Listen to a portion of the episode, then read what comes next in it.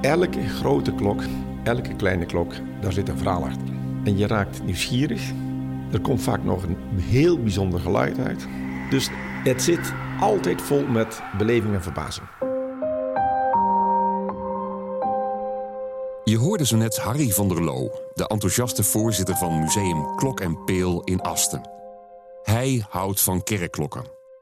Om eerlijk te zijn had ik nooit verwacht dat mij dat ook kon overkomen. Eigenlijk heb ik zelfs nooit stilgestaan bij hun bestaan. Ze hangen onzichtbaar hoog in een toren en vallen me alleen op als ik zondags wil uitslapen. Toch ben ik de afgelopen weken behoorlijk onder de indruk geraakt van de geschiedenis van één specifieke luidklok. Het is verbazingwekkend hoe je fantasie plotseling met je aan de haal kan gaan als je wat langer nadenkt over de bijzondere rol die deze bronzen bel honderden jaren lang heeft gespeeld. Onze voorouders konden niet zonder.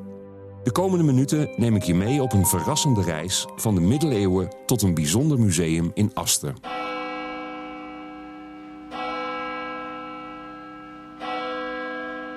Stel je voor, de klok uit dit verhaal heeft duizenden begrafenissen begeleid, heeft boeren en burgers gewaarschuwd voor gevaar en heeft waarschijnlijk zelfs de pest zien komen en zien gaan. Niet alleen lang geleden, ook de laatste jaren heeft de klok wonderbaarlijke avonturen meegemaakt. Ze ontsnapte twee keer ter nauwe nood aan de smeltovens en pas geleden reed ze nog vier op een aanhangwagentje over de A2 op weg naar een keuring door kunstliefhebbers.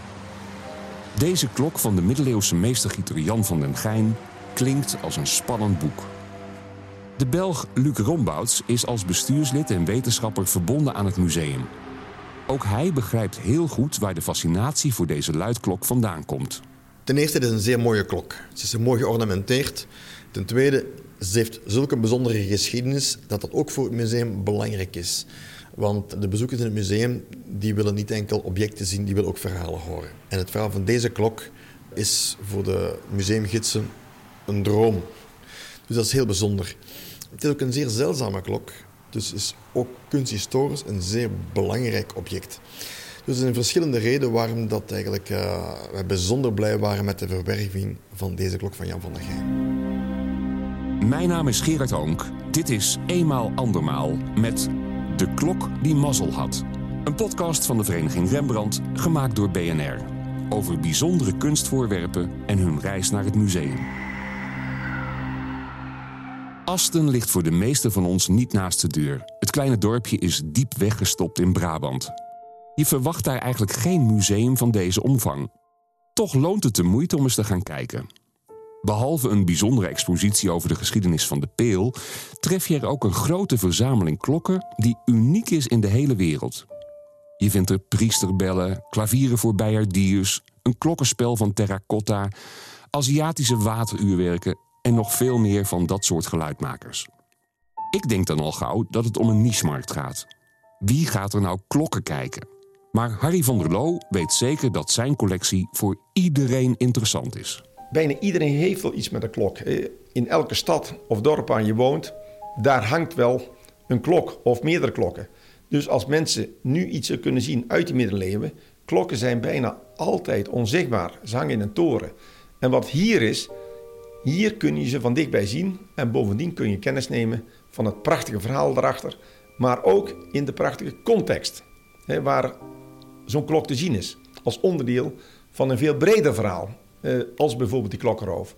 Of als onderdeel van een veel breder verhaal, dat is de Europese luidcultuur. Er is veel veranderd in de loop der tijden. In mijn woonplaats hoor je alleen nog klokgelui op zondagochtend, een half uurtje voordat de kerkdienst begint. Dat was vroeger wel anders. De middeleeuwers deelden hun dag in op het gebijen van de bellen. Sterker nog, in tijden van grote ellende, zoals uitbraken van de pest, konden de klokken soms dagen achtereen hun slagen slaan. Het klokkenspel was zelfs een machtsmiddel voor de kerk en het stadsbestuur. Luister maar naar Luc Rombouts. In de middeleeuwen en ook nog later was het geluid van de klok bepalend voor de dagindeling in de stad. Klokgelui kondigde aan wanneer de handelaars hun winkel mochten opendoen, wanneer de smeden konden beginnen met hun werk, kondigde de middagpauze aan. Op het einde van de dag kondigde de klokgelui ook aan wanneer de stadspoorten dichtgingen. Dat was de poortklok. En de laatste avondklok gaf dan aan dat op dat moment ook de lichten in de stad moesten worden gedoofd en de vuren moesten worden gedoofd om het brandgevaar in te dijken. Dus elk belangrijk moment in het dagdagelijkse leven van de middeleeuwse mens werd aangekondigd door klokgelui. Dus de klok was eigenlijk een beetje his master's voice. Dus de macht van de lokale bevelhebbers, zowel burgerlijk als kerkelijk, werd tot uiting gebracht door de klank van de klok. De kerkklok was dus een onmisbaar hulpmiddel in het leven van onze voorouders. Het gieten van de bronzen bellen werd daarom serieuze business. In het Belgische Mechelen zat de fabriek van Jan van der Geijn. Daar werd de klok uit dit verhaal in 1540 gegoten. Dat weten we zeker omdat het met redelijk grote letters geschreven staat in het brons. Helemaal bovenaan, net onder het ophangpunt. Het 190 kilo zware gevaarte is zo'n 70 centimeter hoog. Er staan ook medaillons, zeg maar gravures op de klok. Dat is eigenlijk heel vreemd, omdat klokken over het algemeen hoog in de toren hangen en niemand de behoefte zal voelen om eens naar boven te klimmen en te kijken of er misschien leuke versieringen zijn aangebracht.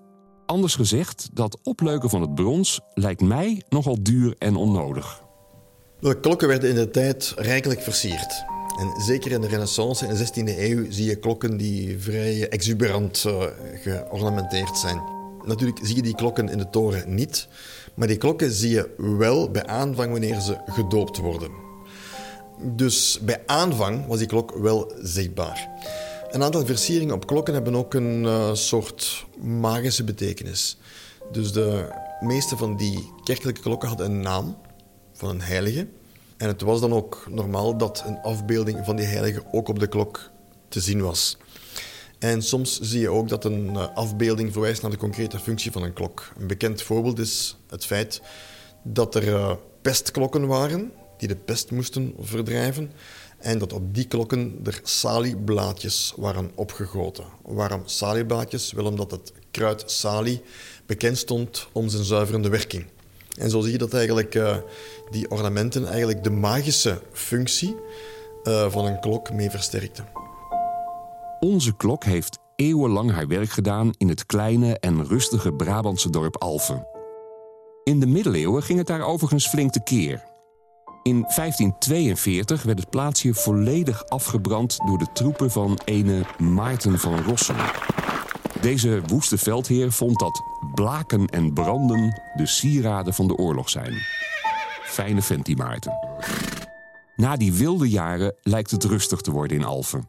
De klok doet honderden jaren trouw haar werk in de Willy Broederskerk.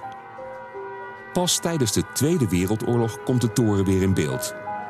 De Duitsers eisen dan overal kerkklokken op, ook in Alphen. Het brons, een legering van koper en tin, is uitermate geschikt om wapentuig mee te maken. Dat is overigens geen nieuw inzicht. Kerkklokken zijn al heel lang de pineut als er gevochten wordt. In de Eerste Wereldoorlog, bijvoorbeeld, werden 65.000 klokken omgesmolten... en in de Tweede Wereldoorlog nog eens 80.000. In Nederland verdwenen midden jaren 40 bijna 7000 klokken in de smeltovens. Het is zo dat de nazi's vanaf 1943 systematisch in de bezette gebieden klokken opeisten, omdat zij door hun metaalvoorraden begonnen heen te geraken. En uh, ze hadden het koper en nodig. Vandaar dat uh, klokken uit torens werden gehaald. Eerst in Duitsland en daarna in de bezette gebieden. De nazi's deden dat op een administratief zeer zorgvuldige wijze. Deze klok van Jan van der Geijn die, uh, droeg het label A. Wat betekent dat dat de categorie was van de minst waardevolle klokken. Dat was een vergissing. Want een klok uit de 16e eeuw had normaal gezien een beschermd statuut. Had de letter M moeten krijgen van monument. Maar er waren eh, in Nederland vertragingsmanoeuvres. Dus er was een soort commissie die de Duitsers moest assisteren bij het selecteren van de klokken. Maar die commissie die heeft vrij succesvol een aantal vertragingsmanoeuvres kunnen opzetten. En één daarvan was dat de, een aantal A-klokken, waarvan men vond dat ze toch wel waardevol waren, dat die nog even in beraad werden gehouden. Die werden uit de toren gehaald, maar die kregen de letter P van Prüfung in afwachting voor verder onderzoek. Deze klok van Van der Geijn die is dus uit de toren gehaald en heeft die letter P gekregen en is dan in depot geplaatst in Tilburg, waar ze de rest van de oorlog gelukkig gebleven is. Want de toren waar ze werd uitgehaald, die is bij de bevrijding verwoest. Dus had die klok een beschermd statuut gehad, dat was er vandaag niet meer. De Van der Gijnklok heeft dus mazzel gehad. Ze had in 1944 bij de beschietingen op Alphen kunnen sneuvelen. Dat is bij toeval voorkomen dankzij die foutieve administratie. Na de oorlog dan heeft het enkele jaren geduurd eer uh, de toren in Alphen terug werd erop gebouwd. En toen dat rond 1950 gebeurd is, heeft men nieuwe klokken besteld. En men heeft, zoals het toen de gewoonte was, de klok van Jan van der Gijn meegegeven als materiaal om gesmolten te worden. Maar de klokkengieter vond dat toch een waardevolle klok. En de klokkengieter is dan zo historiebewust geweest om die klok niet te smelten, maar ze te bewaren. Dus uh, dankzij de klokkengieter is de klok voor een tweede keer aan omsmelting ontsnapt. De klokkenmaker verkocht de klok aan een van zijn andere klanten in het Zeeuwse Groede. Daar kwam de Van der Gijn terecht in de toren van de Sint-Bavelkerk. Ook van die verhuizing werd een slechte administratie bijgehouden en eigenlijk wist niemand meer waar de klok was. Alsnog trokken klokkenkenners de conclusie dat het historische stuk in de oorlog verloren was gegaan, totdat ene Jan Ducaat de kerk kocht en er vakantieappartementen in ging bouwen. De grote klok hing in de weg. Harry van der Loo, de gedreven voorzitter van Museum Klok en Peel, wist Ducaat ervan te overtuigen dat er maar één eindbestemming voor de klok kon bestaan. Jan Ducaat die wilde op een gegeven moment wat met die klok. Toen heeft hij Asten gebeld omdat hij erachter was gekomen dat hier een belangrijk centrum was. En zo zijn wij met elkaar in contact gekomen. Het appel wat ik op hem deed om de klok niet te verkopen voordat hij Asten gezien had, het Museum Klok en Peel, daar heeft hij toen zijn woord aan gegeven.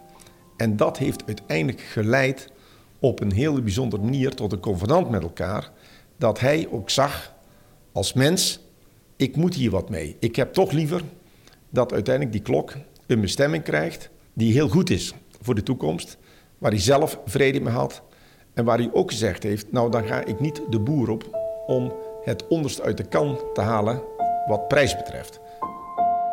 De verkoopprijs werd afgerond op 17.000 euro. Daar moest het museum overigens nog wel financiering voor zien te vinden. De vereniging Rembrandt werd aangeschreven en vriendelijk verzocht om een duit in het zakje te doen. Er werd positief gereageerd. Uiteraard moest de middeleeuwse bel eerst even getoond worden aan een commissie van kunstkenners. Onderdeel van het proces bij de vereniging Rembrandt is, men wil de klok zien. Je kunt hem niet opsturen. Dus er was uiteindelijk maar één optie eh, om er zelf naartoe te rijden. En je kunt al, eh, wij zijn niet het soort museum die dan een duur, gespecialiseerd bedrijf inschakelt om dat te doen. Wij zijn toch van een heel praktisch ingesteld. Dus uiteindelijk zeggen mensen, wat we doen, hij gaat op de aanhanger en we rijden naar Amsterdam. En als je dan weet dat de plek waar het naartoe moest naast het Rijksmuseum ligt, dan ligt het natuurlijk ook voor de hand dat wij nu beschikken over een prachtige foto met Rijksmuseum op de achtergrond. Dat is één. En dat kort daarna de commissie naar beneden is gekomen en die commissie van wijze mannen en vrouwen, die hebben geoordeeld dat het zo goed was. En zo komt er rust in het turbulente leven van de bronzen luidklok van Jan van der Gijn. Na bijna 500 jaar trouwe dienst hangt ze nu trots in Museum Klok en Peel. Het enige wat je onmiddellijk grijpt is het verhaal. Dat je zegt, jeetje, in Alphen gehangen, geroofd, gered, dan weer verhuisd. Uiteindelijk komt hij in een klein kerkje terecht. Dus dat was ook voor ons, ook voor mij persoonlijk, een heel belangrijke drijfveer. Die klok die moet naar Aster. En ja, dan heerst er toch iets van enorme blijheid dat wij als relatief klein museum, het grootste kleine museum van Nederland, in staat zijn om zo'n uniek stuk op deze wijze uh, te verwerven. Dit was een van de twaalf afleveringen van een podcastserie over bijzondere kunstvoorwerpen en hun tocht naar de museumzaal. Eenmaal andermaal is een initiatief van de Vereniging Rembrandt, gemaakt door BNR. Luister ook naar de elf andere afleveringen.